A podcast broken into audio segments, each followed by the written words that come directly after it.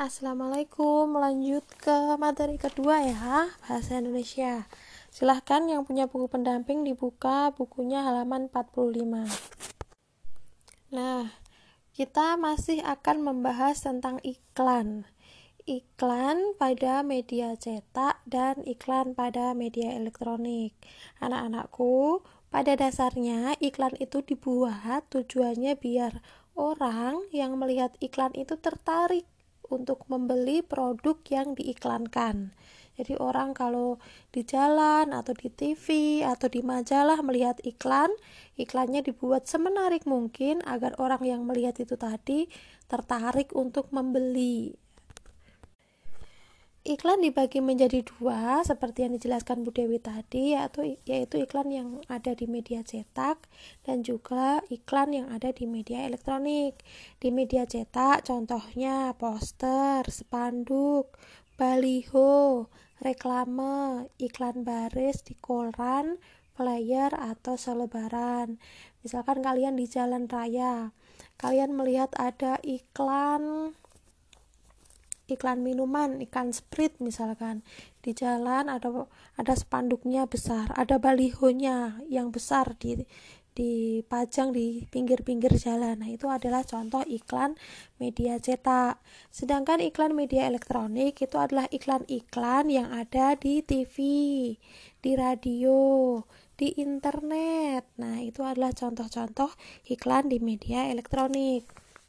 Nah, berikut ini adalah beberapa perbedaan uh, tentang iklan media elektronik dan iklan media cetak. Iklan media elektronik hanya sekilas dan berlangsung pada saat itu saja. Kalau media cetak itu iklannya bisa dibaca atau dilihat kapan saja berulang-ulang. Kalau media elektronik menggunakan indera penglihatan dan pendengaran kita melihat dan juga ada suaranya juga. Kalau media cetak hanya ditangkap menggunakan indera penglihatan, tidak ada suaranya.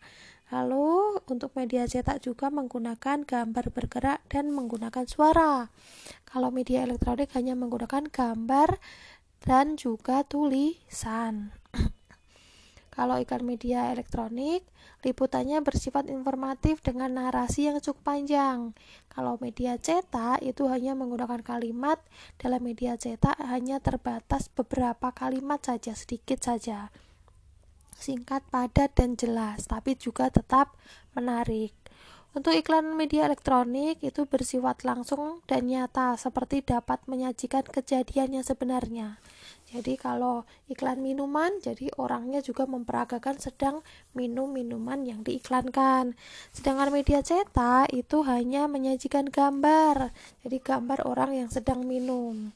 Jadi membutuhkan imajinasi orang yang menyaksikan atau melihat iklan tersebut itu adalah perbedaan iklan media elektronik dan juga iklan media cetak.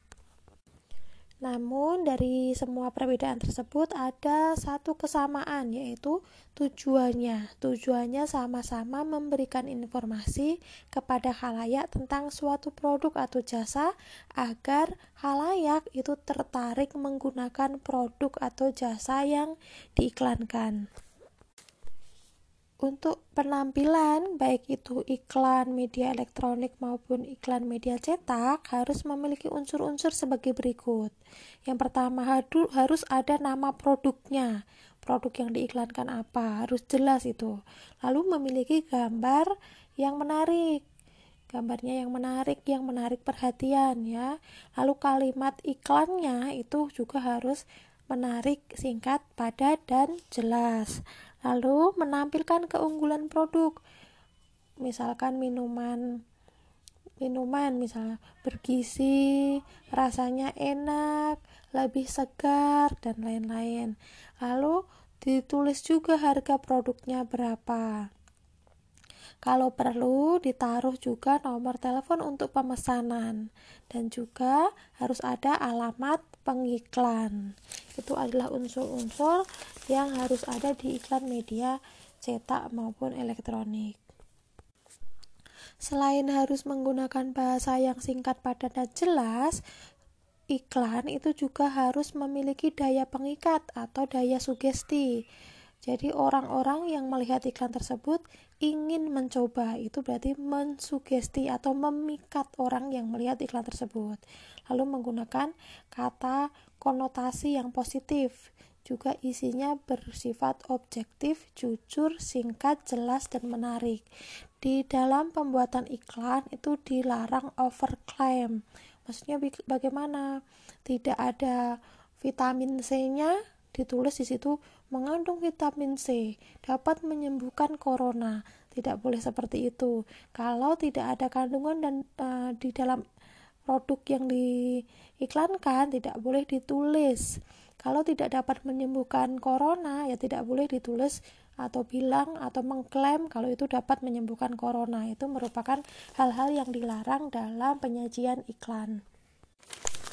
Nah, itu tadi merupakan iklan uh, media cetak dan juga iklan media elektronik yang dapat kita bahas pada hari ini. Sekian pembelajaran pada hari ini. Jangan lupa dirangkum hal-hal yang penting saja yang disampaikan Bu Dewi tadi, baik di PPKN maupun di bahasa Indonesia. Sekian, wassalamualaikum warahmatullahi wabarakatuh.